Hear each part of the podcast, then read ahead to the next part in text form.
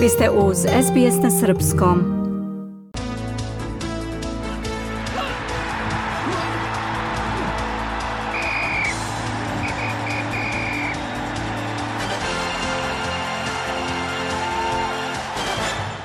Srpski košarkaški reprezentativac Boriša Simanić bio je jedan od učesnika svetskog prvenstva u Manili. Nažalost, samo do utakmice sa Južnim Sudanom, kada je zadobio udarac Koban po njegovo zdravlje, zbog čega je izgubio bubreg.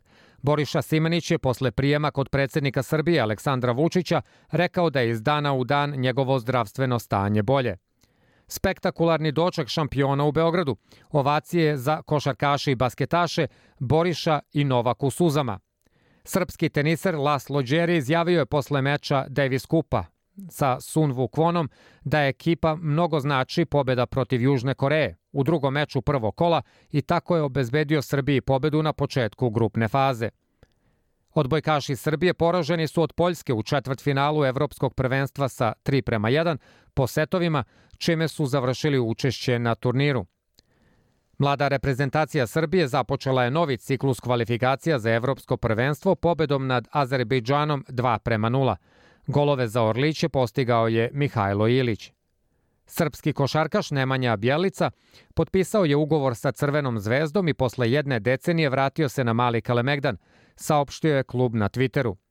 Futbalski savez Rumunije u saopštenju za javnost osuđuje neodgovorno ponašanje navijača na južnoj tribini Arene Nacionale koji su istakli transparent sa političkim tonom tokom utakmice reprezentacije Rumunije sa Kosovom, te uzrokujući prekid igre na oko 50 minuta.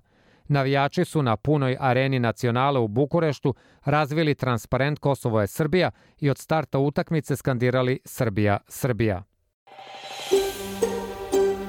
Želite da čujete još priča poput ove? Slušajte nas na Apple Podcast, Google Podcast, Spotify ili odakle god slušate podcast.